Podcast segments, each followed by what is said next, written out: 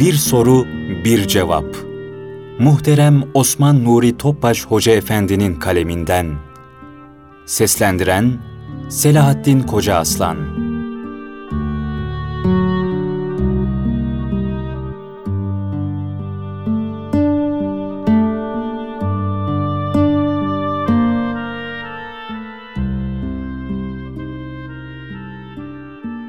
Soru Efendim, faydalı bilgi hangi bilgidir? Cevap Bir nahiv yani dil bilgisi alimi gemiye binmişti. Sefer esnasında ilmine mağrur bir şekilde gemiciyle sohbete koyuldu.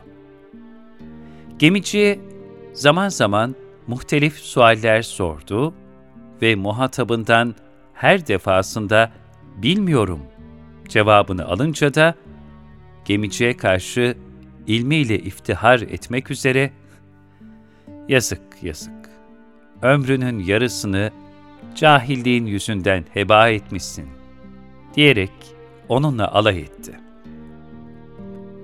Temiz kalpli gemicinin bu küçük düşürücü davranışa gönlü kırıldıysa da olgunluk gösterip Nahivciye cevap vermedi, sustu.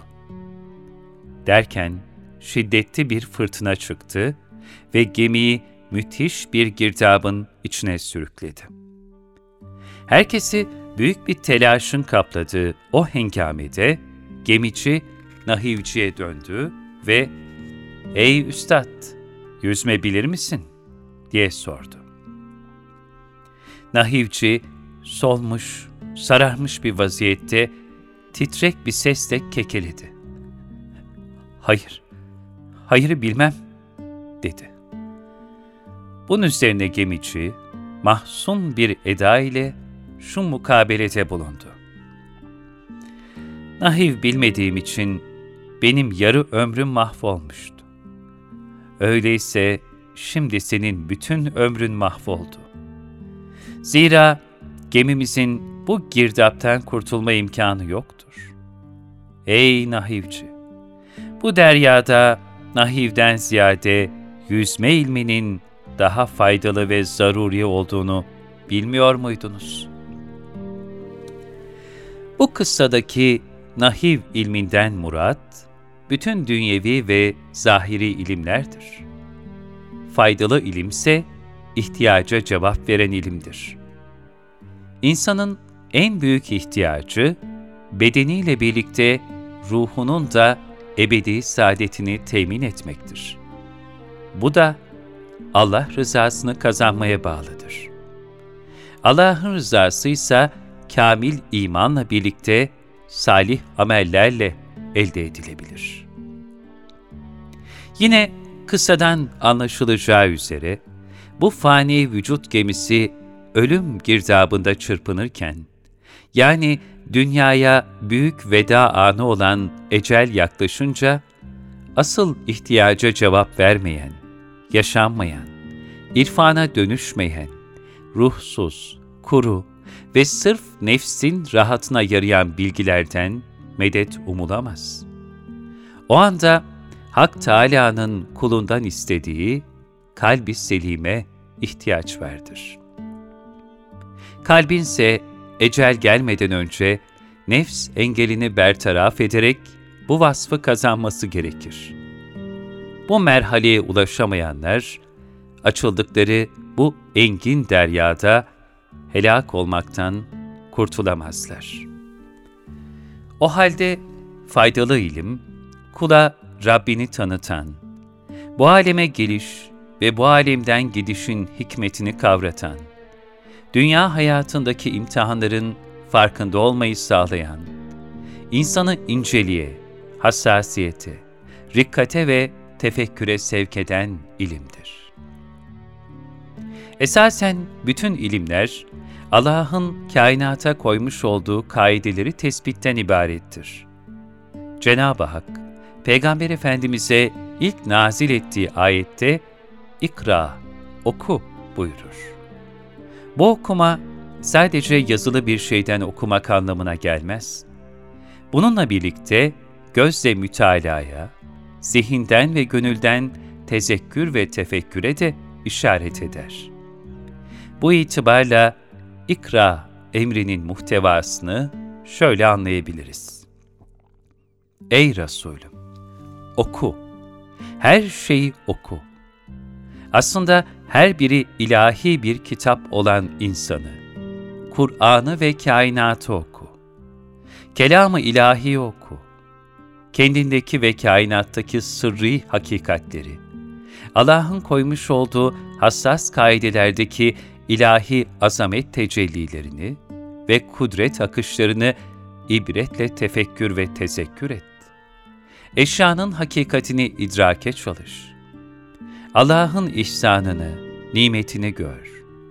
Bütün bunlardaki murad-ı ilahi, hikmet nazarıyla oku. Cenab-ı Hak, Kur'an-ı Kerim'inde pek çok ayet-i kerime ile bizleri ilahi azametini tefekküre davet eder.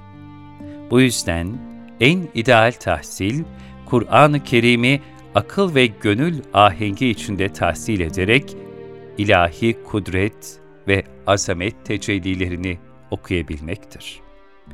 Oku emrinin manasını kavramaktır. Ayet-i kerimelerde buyrulur.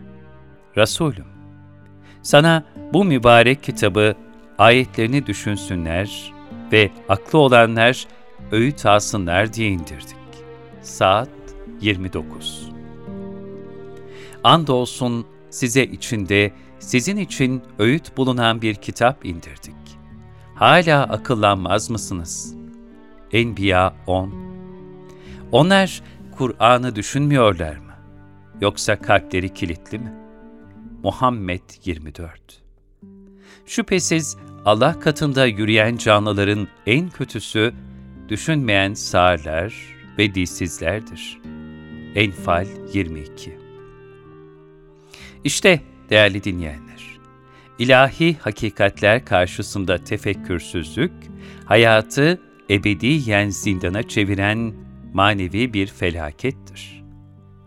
Bu sebeple insana fayda sağlayacak ilme ulaşmak için Allah'ın varlığının, birliğinin ve azametinin mahlukata nakş olmuş haldeki delilleri olan Kainat kitabındaki ayetleri gönül gözüyle okuyabilmek, derin derin tefekkür etmek ve onları hakiki manasıyla kavramaya çalışmak icap eder. Bilmek sadece okumak değil, hayat muammasını çözebilmektir. Bu dünyaya gelenler niye geliyor? Buradan gidenler niye gidiyor? Kimin mülkünde yaşıyoruz? Bu alemdeki nizam kime aittir? Bu direksiz duran gök kubbeyi, dağlarıyla, okyanuslarıyla, koskoca yeryüzünü hangi kudret inşa etmiştir? Kimdir ve muradı nedir? İşte esas ilim, bu gibi sorulara iç dünyamızı, yani gönül alemimizi tatmin edecek cevaplar veren ilimdir. Esas ilim ve bilmek, kainatta meknuz ilahi murada, varoluş hikmetimize, yaşayış ve davranışlarımızla doğru karşılığı verebilmektir. Gerçek ilim, kulun Halık'ını tanımasıdır. İlim, insanı yaratılış gayesi mucibince ibret ve hikmete götürmeli, kainattaki ilahi sanatı temaşa ile mutlak sanatkara ulaştırmalıdır. Atomdan galaksilere, gözle görülemeyecek kadar küçük hücrelerden cesim varlıklara, günlerin, gecelerin, mevsimlerin, yılların deveranına, insanın doğumundan ölümüne kadar her şeyi gönül gözüyle okutarak ilahi azamet karşısında insana hiçlik ve kulluğunu idrak ettirmelidir. Bunun içindir ki Cenab-ı Hak ayet-i kerimede kulları içinde ancak alimler Allah'tan gereğince korkar buyurur. Fatır 28 İşte faydalı ilim, Cenab-ı Hakk'a kullukta tekamül ettiren, insana ruh inceliği, rikkat, zarafet ve hassasiyet kazandıran bir ilimdir. Ebedi istikbali saadet içinde yaşamaya vesile olan ilimdir. Ayrıca ilim zihinde kalıp kalbe intikal etmezse o ilim faydasız ilimdir. Nasıl ki iman dille ikrar, kalple tasdikse, ilmin de zihinden kalbe intikal etmesi bu şekilde irfana dönüşmesi icap eder. Zira gönle nakş olmayan ve davranışlara aksetmeyen bir ilmi, Efendimiz aleyhissalatu vesselam fayda vermeyen ilim olarak ifade buyurmuş ve ondan Allah'a sığınmıştır. Cenab-ı Hak hepimizi ilmini irfan ile kanatlandırıp, marifetullah semalarına yükselerek ebedi miraca vasıl olan bahtiyarlardan eylesin. Amin.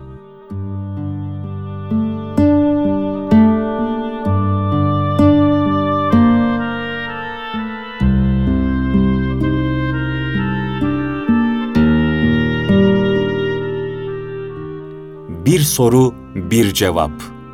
Muhterem Osman Nuri Topbaş Hoca Efendi'nin kaleminden. Seslendiren Selahattin Koca Aslan